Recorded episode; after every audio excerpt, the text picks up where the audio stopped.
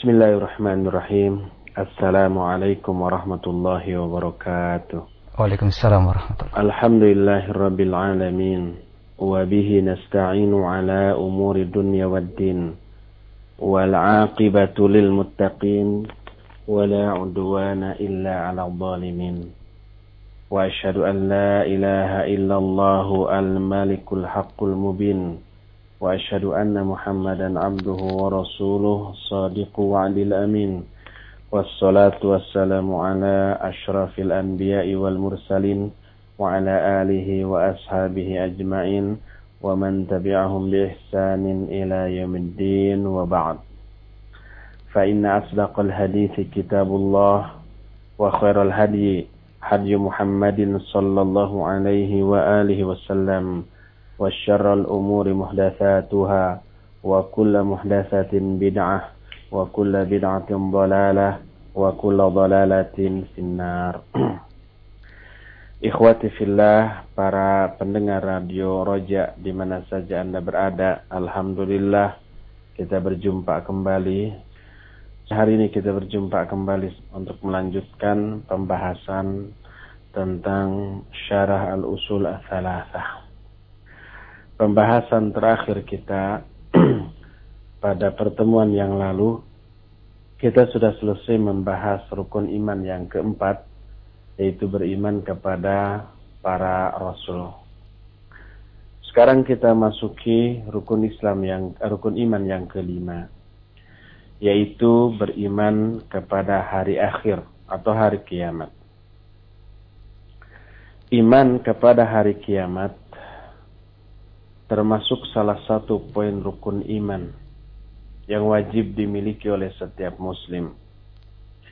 Tidak sempurna keimanan seseorang tanpa memiliki iman kepada hari akhir ini. Allah berfirman dalam banyak ayat yang menjelaskan tentang keharusan kita beriman kepada hari akhir ini. Lihat umpah Al-Baqarah 177 Allah berfirman, "Laisal birra an tuwallu wujuhakum qibala al-masyriqi wal maghrib, walakinnal birra man amana billahi wal yawmil akhir wal malaikati wal kitabi wan nabiyyin."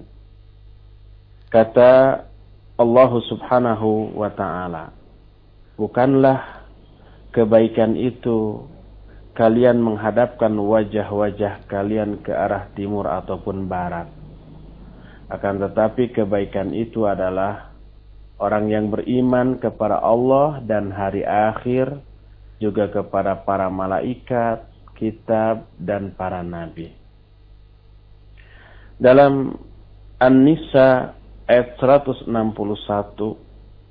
Allah pun menyatakan wal mu'minuna yu'minuna bima unzila ilaika wa ma unzila min qablik wal muqimina shalah wal yu'tu wal mutu wal mu'tuna zakah wal mu'minuna billahi wal yawmil akhir.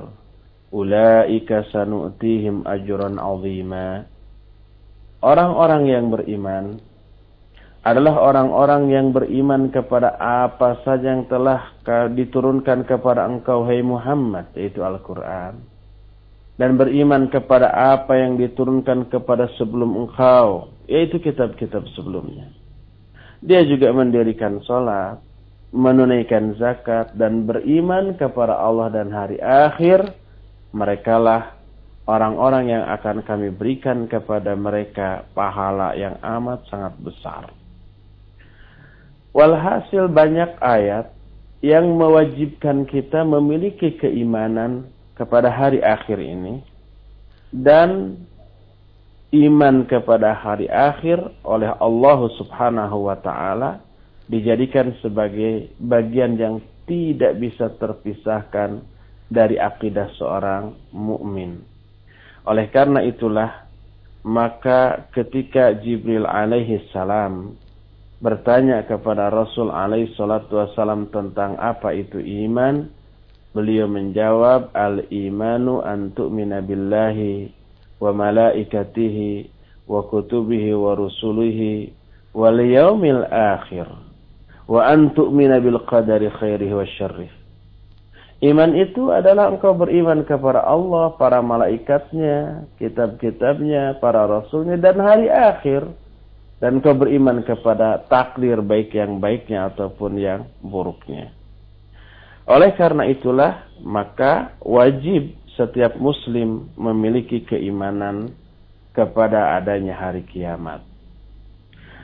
Al-Quran menjelaskan bahwa sebenarnya kiamat ini sesuatu yang pertama pasti datangnya.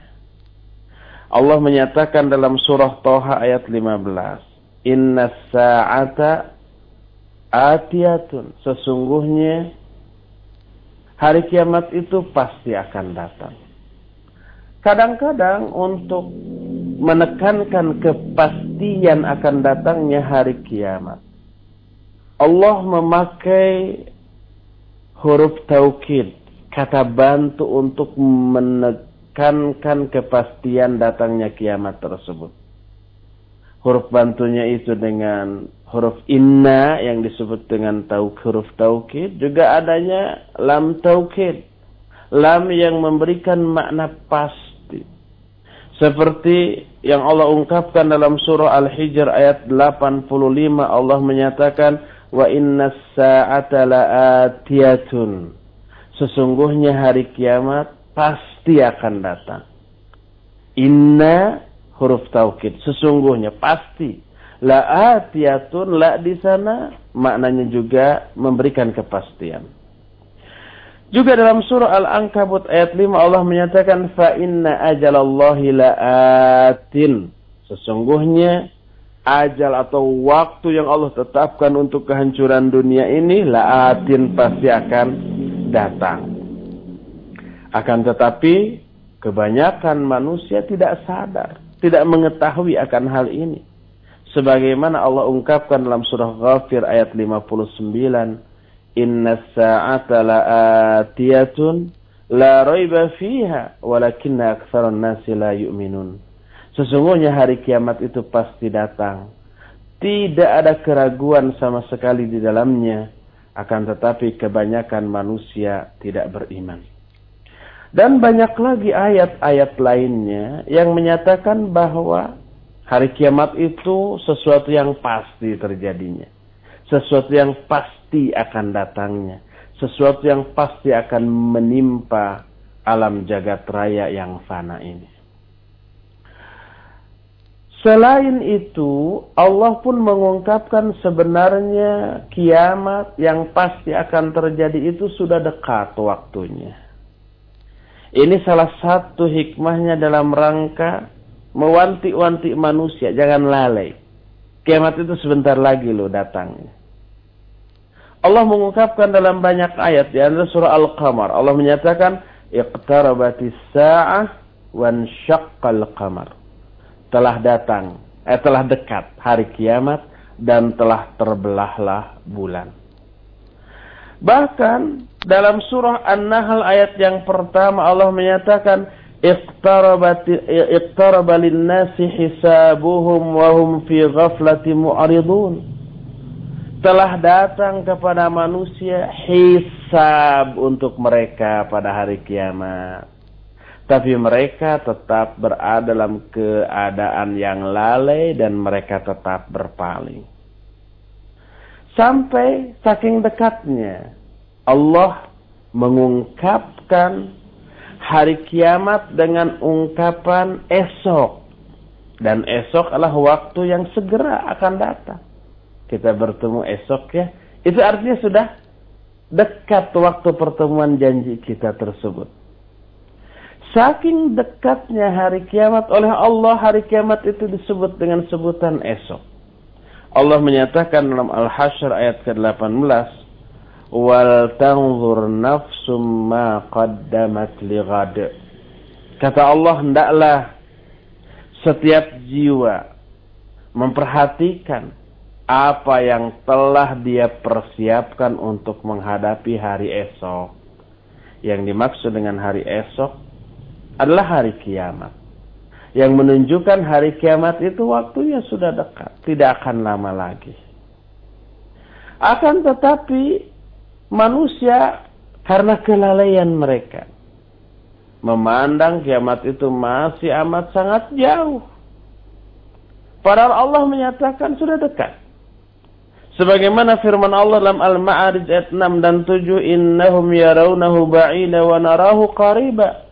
Sesungguhnya manusia memandang kiamat itu masih jauh. Akan tetapi kami memandangnya sesuatu yang amat sangat dekat.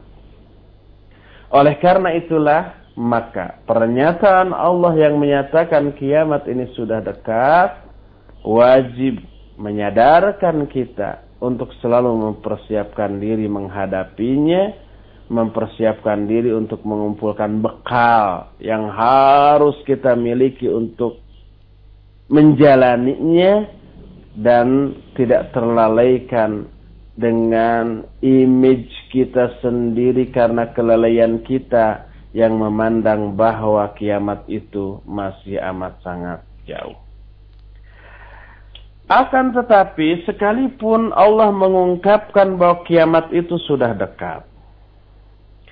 Tapi waktu terjadinya hari kiamat adalah sesuatu yang menjadi rahasia Allah. Tak ada makhluk yang tahu tidak diketahui oleh manusia sehebat apa pun manusia itu dalam kesolehannya seperti Nabi Muhammad SAW. Beliau pun tidak tahu.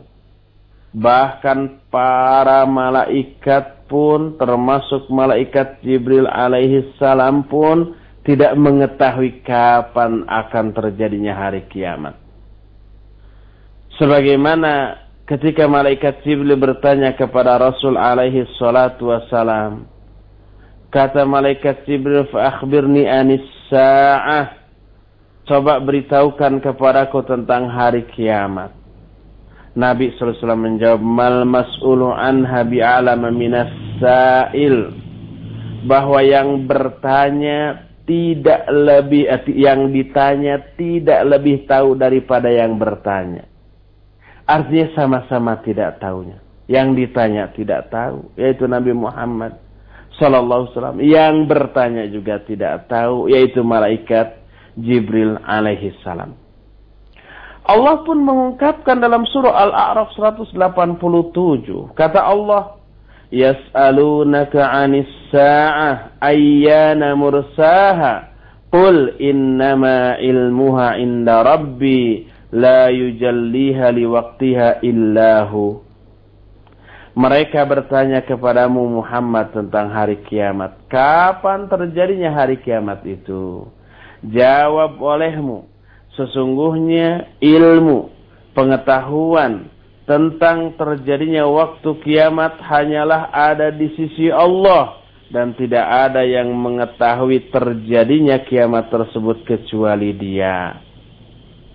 Berdasarkan hal itu, maka wajib kita yakini bahwa tak ada seorang pun yang tahu kapan terjadinya hari kiamat. Kalau dua makhluk termulia sejagat aja, malaikat Jibril dan Nabi Muhammad wasallam tidak mengetahui dan tidak diberitahu oleh Allah tentang saat terjadinya hari kiamat, apalagi makhluk lainnya. Apalagi manusia biasa seperti kita, apalagi dukun. Oleh karena itu kalau ada orang yang mencoba-coba meramalkan kapan terjadinya hari kiamat, wajib kita ingkari, wajib kita dustakan. Jangan percaya kepada orang-orang yang mencoba-coba meramal waktu terjadinya kiamat. Mungkin kita masih ingat, para pendengar Radio Roja juga mungkin masih ingat. Dulu ya tahun 99 pernah beredar isu bahwa kiamat akan terjadi jam 9 tanggal 9 bulan 9 tahun 999 eh tahun 1999 semua orang goncang. Ada yang banyak terpengaruh oleh isu ini. Setelah waktu tersebut berlalu eh masih adem ayem juga ini dunia. Kita masih segar bugar sampai sekarang.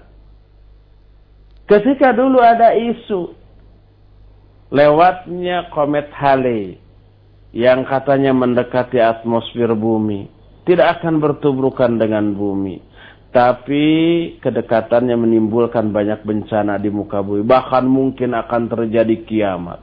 Semua orang sudah goncang. Semua orang sudah stres. Ketika komet Halley berlalu, nggak ada apa-apa yang terjadi di dunia ini kecuali satu atau dua dikit kasus-kasus yang lumrah. Bahkan sekarang ini beredar katanya. Tahun 2000 eh, berapa? 12 atau berapa? Katanya kiamat akan terjadi karena adanya ini, ini, ini, ini. Maka wajib kita ingkari. Tidak boleh kita percayai.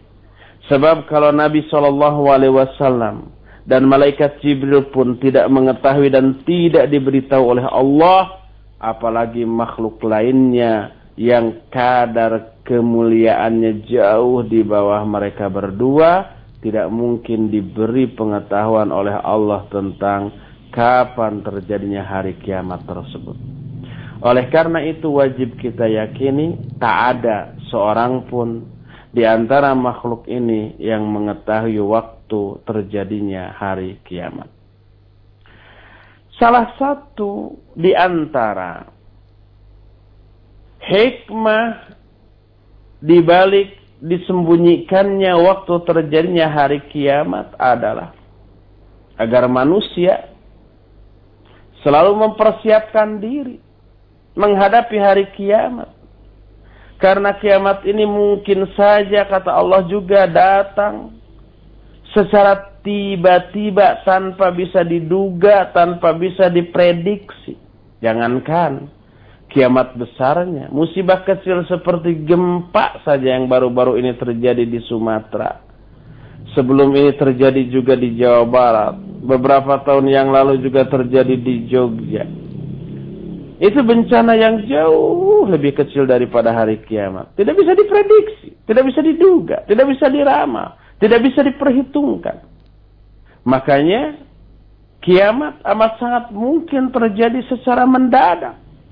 Sebagaimana pernyataan Allah Subhanahu wa taala sendiri di dalam Al-Qur'an yang menyatakan bahwa kiamat itu akan terjadinya secara tiba-tiba, secara mendadak, tanpa ada pemberitahuan terlebih dahulu sebelumnya, sekalipun memang tanda-tanda hari kiamat ini sebelumnya sudah diperlihatkan terlebih dahulu oleh Allah Subhanahu wa taala. Jadi salah satu di antara hikmah Kenapa waktu terjadi hari kiamat ini disembunyikan? Karena Allah menginginkan manusia akan selalu mempersiapkan diri untuk menghadapinya. Dan banyak hal-hal lain dalam agama ini yang sengaja oleh Allah disembunyikan. Tidak diberitahukan secara pasti kepada manusia. Dalam rangka memicu manusia untuk terus, terus, terus, dan terus mencari. Selain waktu hari kiamat, Allah juga menyembunyikan kapan turunnya Lailatul Qadar di setiap tahun bulan Ramadan. Allah sembunyikan. Setiap pekan, hari Jumat, ada satu saat siapa saja seorang mukmin yang berdoa pada saat itu pasti pasti pasti dikabulkan oleh Allah. Tapi Allah menyembunyikan kapan saat tersebut. Rasul SAW menyatakan, Al-imanu bid'un wa sab'una syu'bah. Iman ini memiliki 70 sekian cabang. Disebut bid'un wa sab'un, bid'un itu bilangan dari 3 sampai 10. Jadi bid'un wa sab'un bisa 73, 74, 75. Tidak dijelaskan secara pasti berapa sih cabang iman yang sebenarnya. Kata Syekh Al-Utsaimin rahimahullah, salah satu hikmahnya adalah agar manusia menelaah. Cabang iman itu sebenarnya berapa sih? Ditelaahlah ayat. Ditelahlah, ditelaahlah hadis yang menjelaskan masalah cabang iman. Sehingga mereka memperoleh manfaat yang amat banyak dari penelaahan tersebut. Yang berawal dari disembunyikannya berapa jumlah cabang iman yang sebenarnya lalu memicu manusia untuk menelaah. Lalu dengan itu manusia meraih banyak manfaat yang luar biasa dalam kehidupan mereka. Jadi disembunyikannya waktu terjadinya hari kiamat membuat dampak yang luar biasa besar kepada manusia dan juga misteri-misteri lainnya yang sengaja Allah sembunyikan, tidak diberitahukan secara pasti kepada kepada manusia untuk memicu manusia agar mereka selalu mempersiapkan diri dan terus mencari menelaah untuk menambah kualitas diri mereka sendiri imannya ilmunya amalnya akhlaknya semuanya sehingga menjadi lebih baik lagi di mata Allah Subhanahu wa taala. Itulah sekelumit tentang penjelasan atau mukaddimah beriman kepada hari kiamat. Lalu apa yang dimaksud dengan beriman kepada hari kiamat? Apakah cukup hanya beriman atau meyakini bahwa kiamat ini akan terjadi, alam jagat raya ini semuanya akan hancur? Jawabnya tidak. Kalau beriman kepada hari kiamat hanya sampai segitu, nggak ada bedanya kita dengan orang kafir.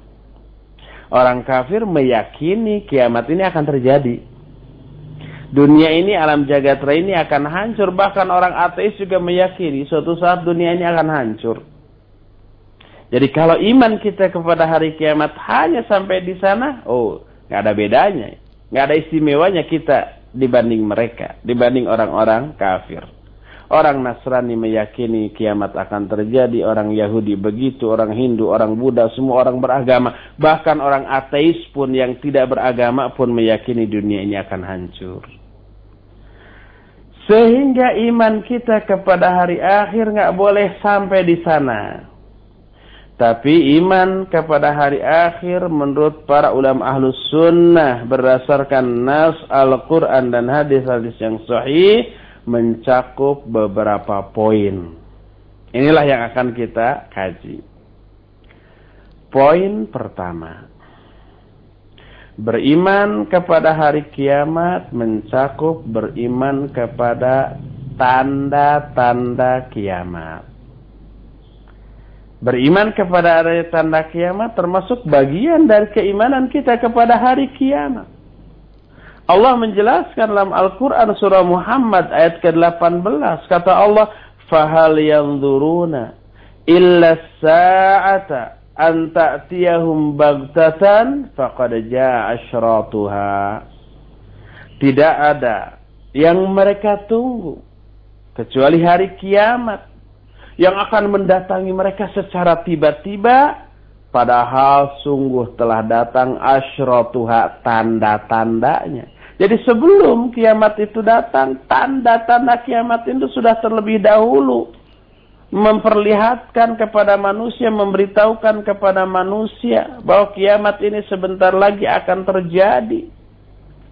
Sehingga beraiman kepada adanya tanda-tanda kiamat termasuk bagian dari iman kita kepada kiamat itu sendiri karena dijelaskan oleh Allah Subhanahu wa taala dalam Al-Qur'an.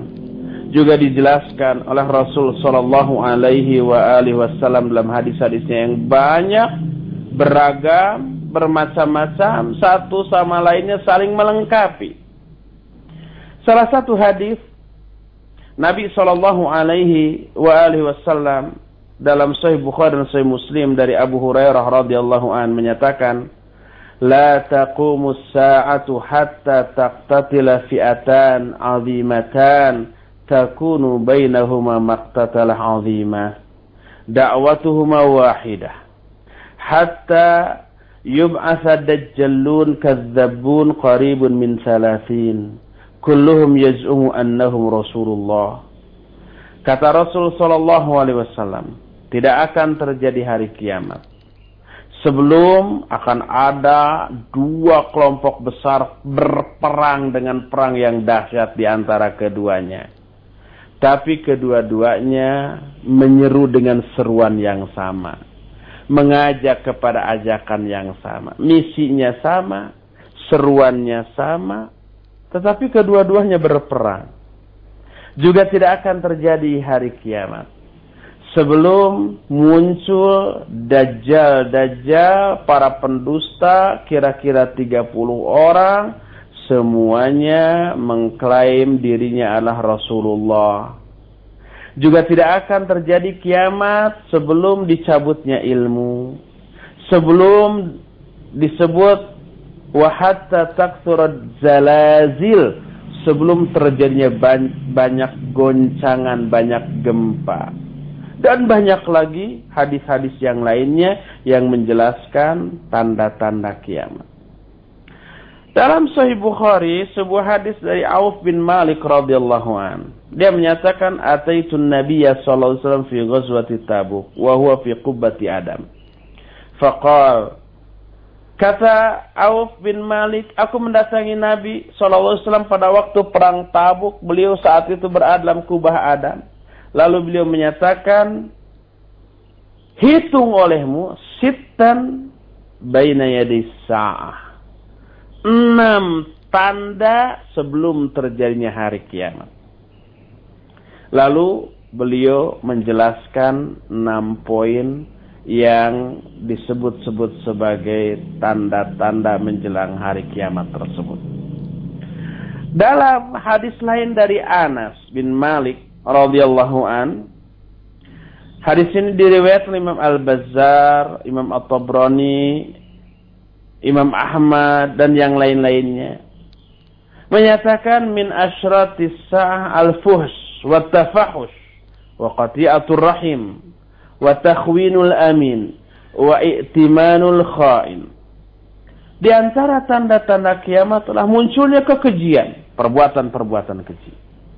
Munculnya qati'atur rahim, pemutusan silaturahmi. Dan berkhianatnya orang-orang yang diberi amanat serta diamanatinya orang-orang yang khianat.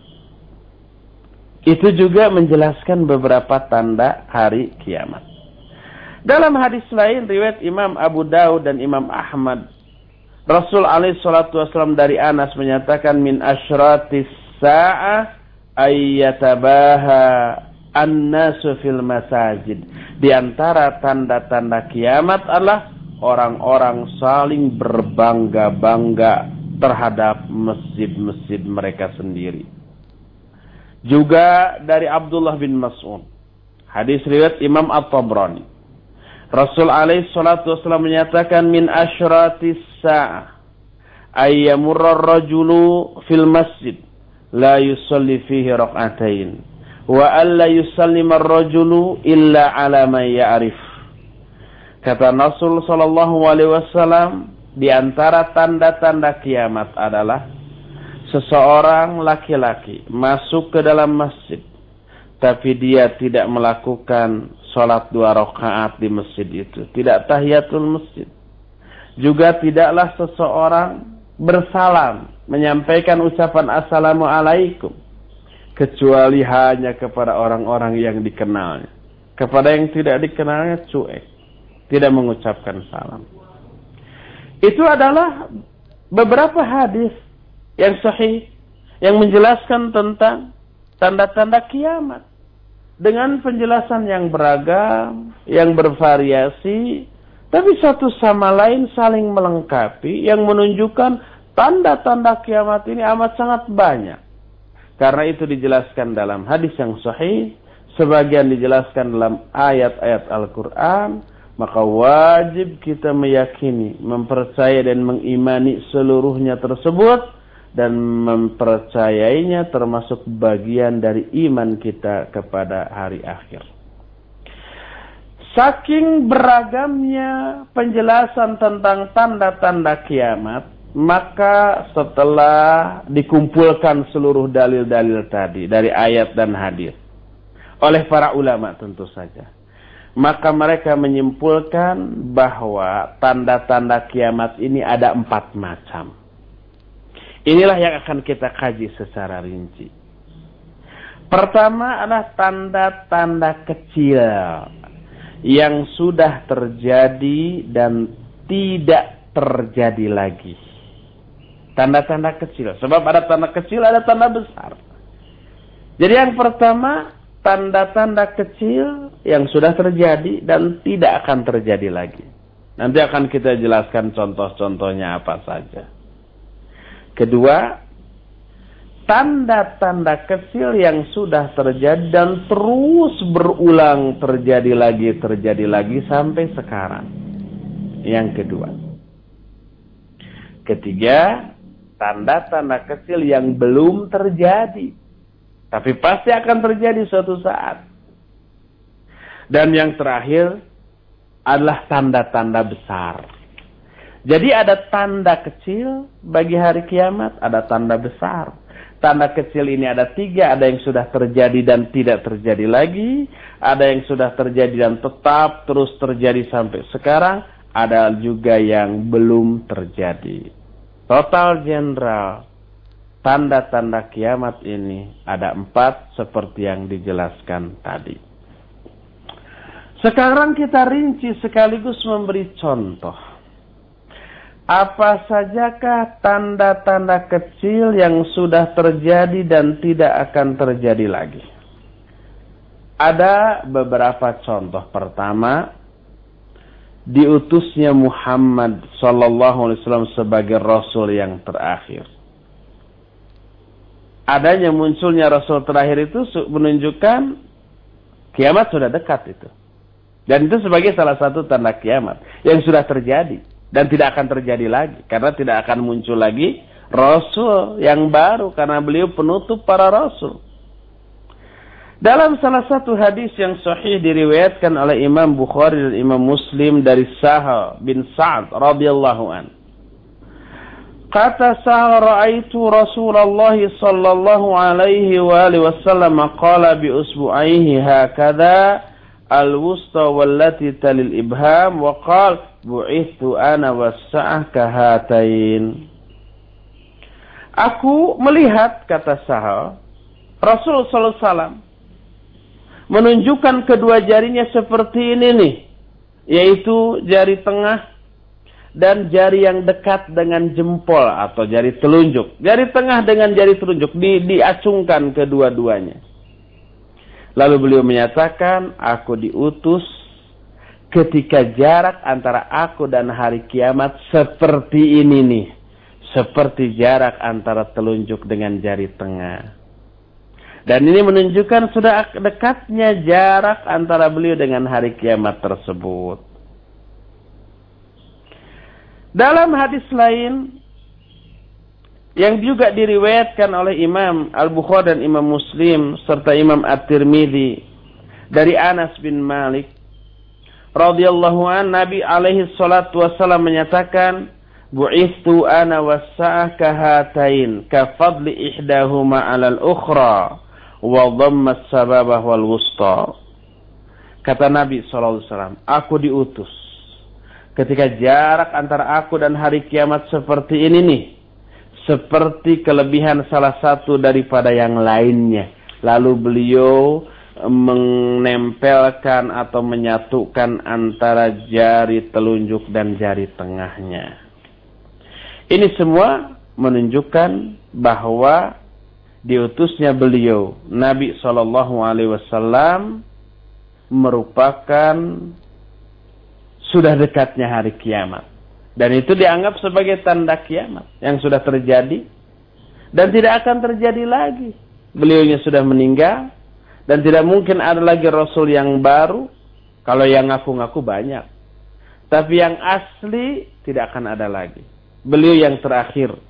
Sebagaimana yang pernah kita bahas pada waktu membahas rukun iman yang keempat yaitu iman kepada para Rasul. Allah menyatakan dalam Al-Quran maka Muhammadun aba ahadim min rijalikum walakinna Rasulullah wa khataman nabiin. Muhammad itu bukanlah bapak salah seorang di antara kalian. Tapi beliau itu adalah seorang nabi sekaligus rasul penutup. Sehingga dalam hadis sahih riwayat Imam Ahmad. Dikatakan kata Nabi sallallahu alaihi wasallam innar risalata wan nubuwata qad inqata'at fala rasula ba'di walan nabiyya. Sesungguhnya tugas kerasulan dan tugas kenabian benar-benar telah terputus. Maka tidak ada lagi rasul setelah aku dan tidak ada lagi nabi setelah aku. Jadi nabi penutup adalah beliau rasul terakhir adalah beliau Tidak lagi nabi dan rasul lagi setelah beliau kecuali hanya orang-orang yang ngaku-ngaku sebagai rasul dan mereka lah dajjal-dajjal kecil yang menandai sudah dekatnya hari kiamat ini. Inilah yang pertama berupa tanda kiamat yang sudah terjadi dan tidak akan terjadi lagi. Kedua, tanda kiamat yang sudah terjadi dan tidak akan terjadi lagi adalah terbelahnya bulan. Terbelahnya bulan menurut Al-Quran merupakan salah satu tanda bahwa kiamat ini sudah dekat. Dan terbelahnya bulan termasuk salah satu mukjizat agung yang dimiliki oleh Rasul Sallallahu Alaihi Wasallam bahwa terbelahnya bulan ini sesuatu yang tidak masuk akal, iya. Tapi ini real nyata terjadi disaksikan ratusan orang dan diabadikan dalam Al-Qur'an, diceritakan dalam banyak hadis. Sehingga kejadian terbelahnya bulan merupakan fakta, bukan fiktif sesuatu yang real dan nyata yang tidak bisa dipungkiri oleh siapa pun. Allah berfirman dalam surah Al-Qamar ayat 1 sampai ayat 2. Iqtarabatis sa'ah wan syaqqal qamar wa iyyarau ayatan yu'ridu wa yaqulu sihrum mustamir. Telah dekat hari kiamat dan telah terbelah bulan.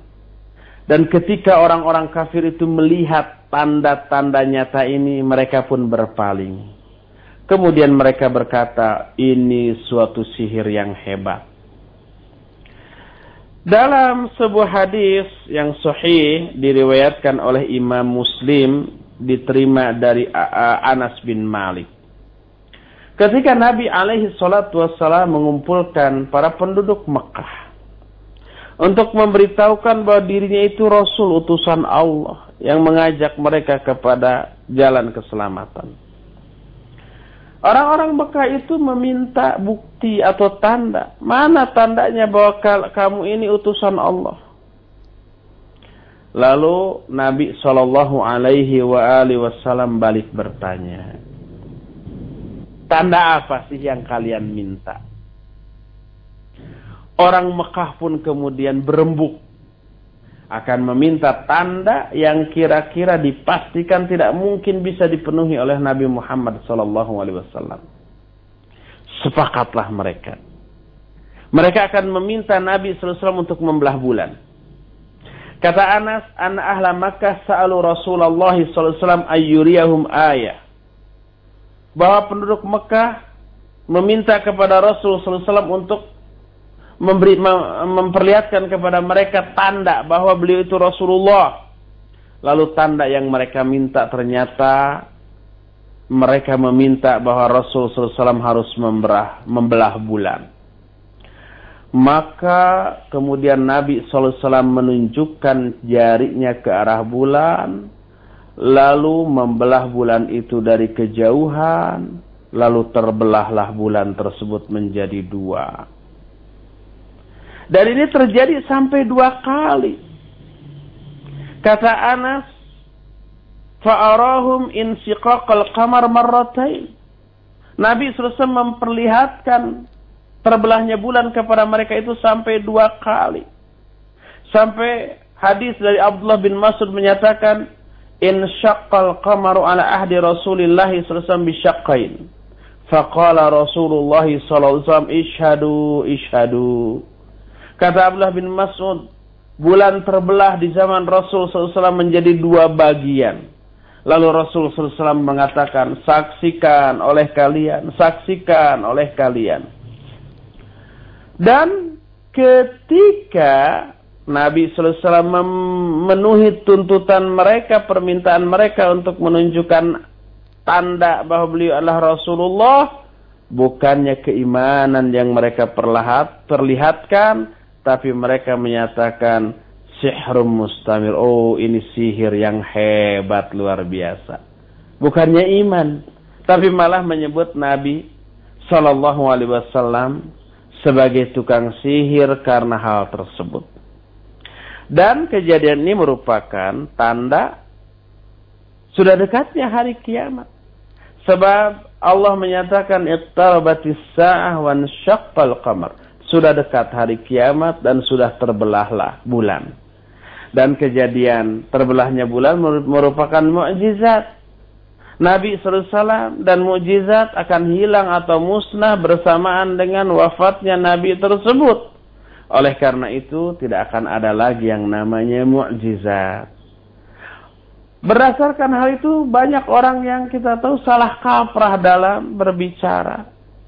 Seperti umpamanya disebut uh, ada istilah kita menunggu mukjizat dari Allah.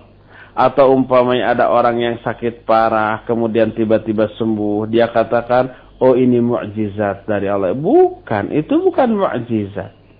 Mukjizat itu hanya diturunkan kepada para nabi kepada para rasul.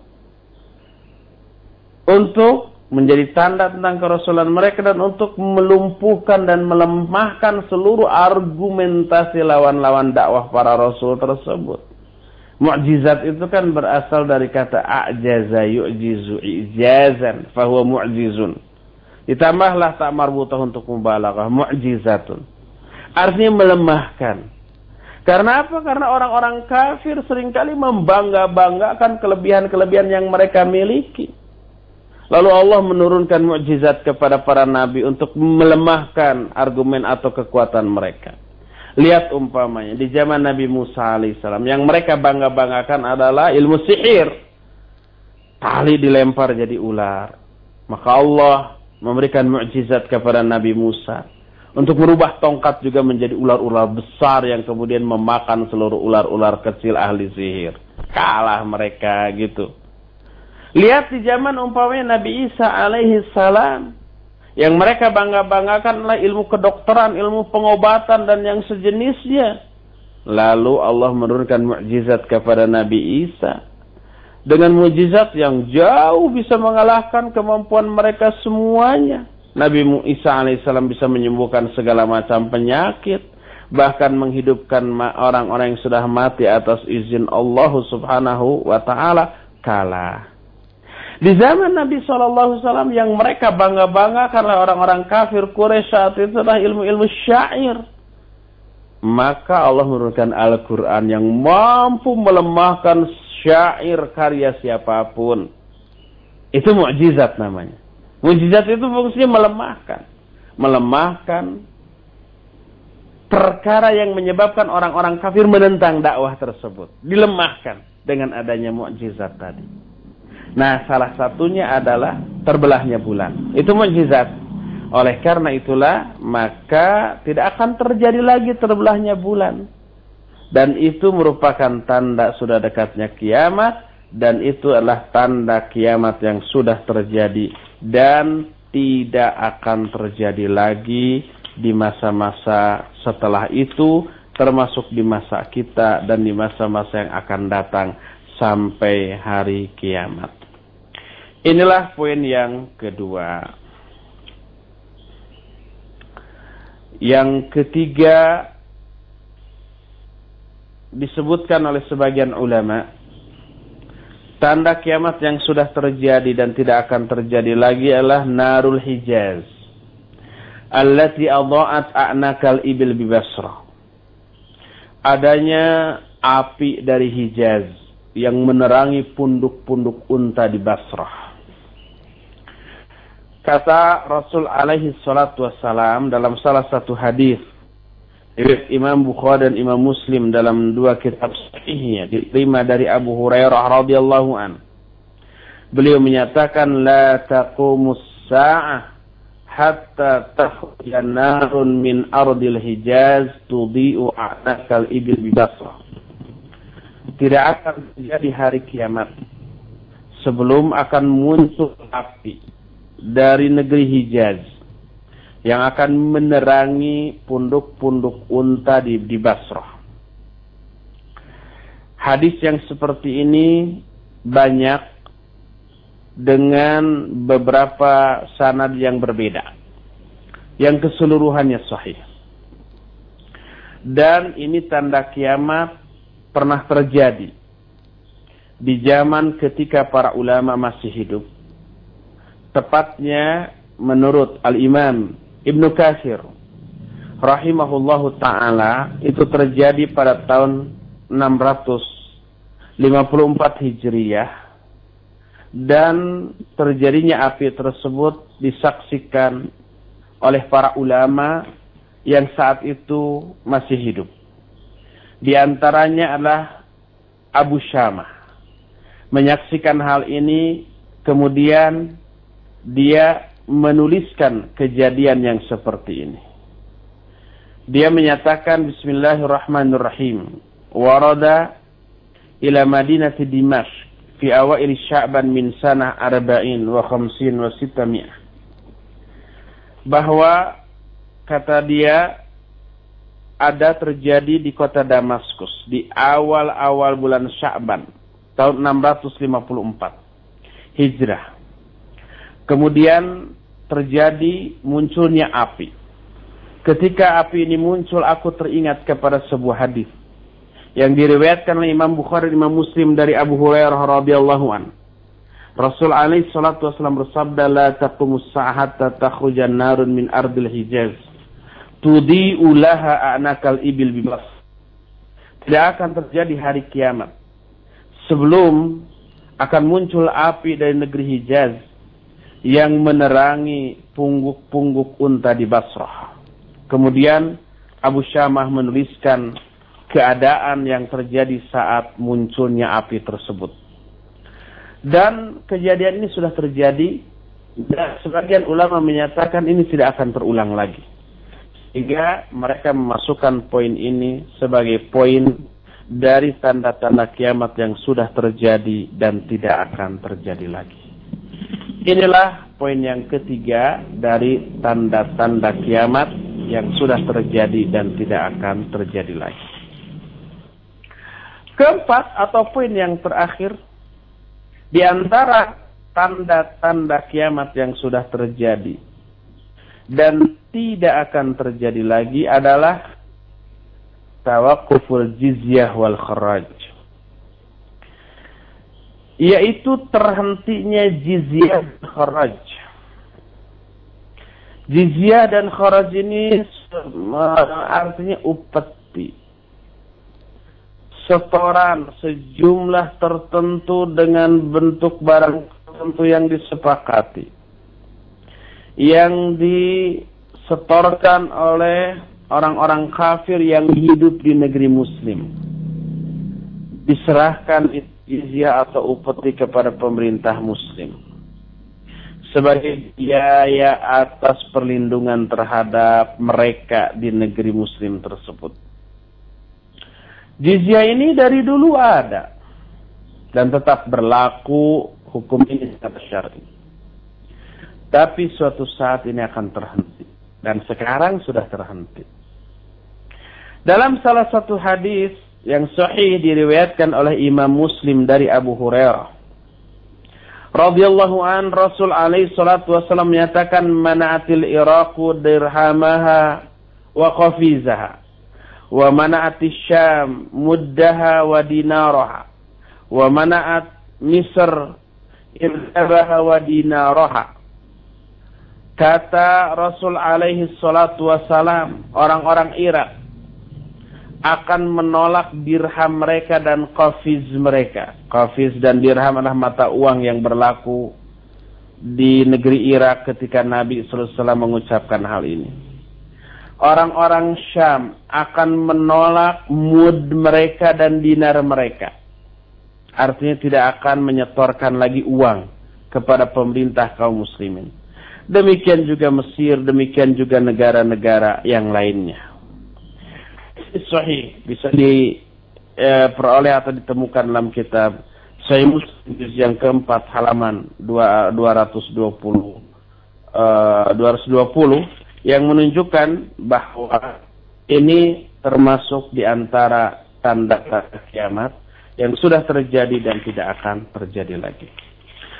Ikhwati fillah anzakumullah para pendengar Radio Roja penjelasan kita tentang tanda kiamat khususnya membahas tanda kiamat yang sudah terjadi dan tidak akan terjadi lagi nampaknya cukup menghabiskan waktu yang kita miliki sore hari ini. Insya Allah penjelasan selanjutnya berupa tanda-tanda kiamat yang sudah terjadi dan tetap terus berlangsung terjadi sampai sekarang. Itu insya Allah akan dilanjutkan pada hari Jumat yang akan datang. Untuk sore hari ini cukup sampai di sini dan sisa waktu yang ada kita akan gunakan untuk tanya jawab. Saya persilakan kepada Akhi Fawas untuk mengaturnya. Alhamdulillah. Nah, demikian ikhwatal Islam azani Allah iyyakum. Sesi materi dari penjelasan atau uh, syarah dari iman kepada hari akhir yang disampaikan oleh Al-Ustaz Abu Haidar Hafirullah dari kitab uh, Al-Usul Salasah tiga landasan utama. Untuk selanjutnya kami berikan kesempatan untuk Anda yang akan bertanya Eh, di kesempatan pagi hari uh, sore hari ini di 0218236543 dan melalui pesan singkat di 0819896543. Kami angkat untuk yang pertama dari penelpon terlebih dahulu. Assalamualaikum. Halo, assalamualaikum. Assalamualaikum, Waalaikumsalam. Ya, dengan siapa dari mana Pak? Uh, ini Henry Pak di Bekasi. Silakan Pak Henry, langsung uh, pada ya, Ustaz. Ustaz. Uh, akan mau nanya, alasannya ada seorang itu yang mengatakan bahwasanya Rasulullah Shallallahu Alaihi Wasallam bersabda bahwasanya hari kiamat itu tidak uh, tidak sampai 2000 tahun lagi. Gitu. Mm-hmm. Nah itu apakah hadis ini sahih apa enggak Ustaz? Jazakumullah khair Ustaz. Oh iya kan. Waalaikumsalam warahmatullahi ya. wabarakatuh. Silakan Ustaz. Pak Hendrik di Bekasi. Nah. Terus terang saya baru mendengar hadis ini iya. bahwa kiamat tidak akan sampai 2000 tahun lagi. Baru mendengar sekarang informasi baru ini. Mm-hmm, iya, yang belum pernah kita temukan dalam kitab-kitab para ulama ketika membahas tentang kiamat. Ada berapa kemungkinan? Kemungkinan pertama hadis itu ada sahih tapi saya tidak tahu atau belum tahu. Tapi harus saya cari dulu. Uh, kemungkinan yang kedua adalah hadis itu sebenarnya tidak ada. Hanya dibuat-buat, mungkin palsu atau dhaif. Dan kemungkinan kedua ini yang lebih kuat karena kalau hadis itu ada pasti diketahui oleh para ulama. Dan kalau para ulama mengetahuinya pasti mereka akan mencantumkannya pada kitab-kitab mereka ketika membahas hari hari kiamat. Dan ternyata kita tidak menemukan hadis tersebut. Oleh karena itu eh, sampai saat ini terus terang saya belum menemukan hadis seperti itu kalau di antara para pendengar Radio Roja ada yang pernah mendengar atau menemukan, coba kasih tahu uh, itu hadisnya riwayat siapa dalam kitab apa nanti kita selidiki lebih jauh. Wallahu a'lam bishawab. Baik. Demikian untuk jawaban Bapak Hendrik di Bekasi. Kami angkat berikutnya di 0218236543 kembali untuk hari ini. Assalamualaikum. Waalaikumsalam warahmatullahi Silakan uh, dari mana dengan siapa? Dengan Eko di Rolum. Ahlan, silakan Pak Eko. Taqabbalallahu minna wa minkum. Taqabbalallahu minna minkum. Silakan. Itu bagaimana tentang penjelasan Rasulullah yang insya Allah hadis ini sahih yang menyatakan bahwa kiamat itu di antaranya maksudnya akan terjadi pada hari Jumat gitu Ustaz. Mm-hmm. Yeah. Ini, ini bagaimana hikmahnya dari yang tadi penyembunyian sementara Rasulullah memberikan sedikit bocorannya gitu Ustaz. Iya. Jazakallahu khairan. Oh, iya. Assalamualaikum. Nah, Waalaikumsalam iya. warahmatullahi wabarakatuh. Benar. Nah, memang ada hadis sahih dan hadisnya banyak yang menyatakan bahwa kiamat tidak akan terjadi kecuali hari Jumat. Makanya setiap hari Jumat seluruh makhluk itu merasa khawatir. Kecuali jin dan manusia yang tidak khawatir. Khawatir itu terjadi hari kiamat. Seperti sekarang kan hari Jumat. Kita nggak khawatir, cuek-cuek aja. Nah. Paling khawatirnya karena gempa gitu ya. Iya. Nah, padahal semua makhluk merasa khawatir. Benar bahwa bocoran dari Rasul Shallallahu Alaihi Wasallam dan tentu saja beliau berbicara atas dasar wahyu menyatakan bahwa kiamat akan terjadi pada hari Jumat. Betul hari Jumatnya. Cuma Jumat kapan itu yang kita tidak tahu. Jumat itu kan ada ribuan Jumat dan entah ribuan berapa ribu Jumat lagi yang akan nah. kita alami ke depan, yang akan dialami oleh dunia ini ke depan kita tidak tahu Jumat kapan. Yang jelas betul bahwa bocoran yang disampaikan oleh Rasulullah SAW dalam hadis sahih kepada kita betul hari Jumat. Cuma Jumat kapan, bulan apa, tahun berapa yang itu yang kita tidak tahu. Sehingga tetap saja secara umum kita tidak mengetahui terjadinya hari kiamat. Dan kita hanya mengetahui satu poin yaitu hari Jumat. Hanya itu. Wallahu a'lam bishawab. Wallahu a'lam bishawab. Nah, Selanjutnya kami angkat pertanyaan dari pesan singkat Ustaz yang sudah sangat banyak sekali masuk. Yang pertama dari pendengar kita, Ustaz Barakallahu Fikum, bolehkah kita menganalisis terjadinya hari kiamat dari sisi ilmu pengetahuan alam dengan para ilmuwan memprediksikan bahwa mungkin kiamat itu terjadi eh, karena matahari kehabisan bahan bakar atau bumi kejatuhan komet besar ataupun mungkin mencairnya eh, dua kutub utara dan selatan atau yang lainnya. Bagaimana Ustaz? Boleh tidak demikian?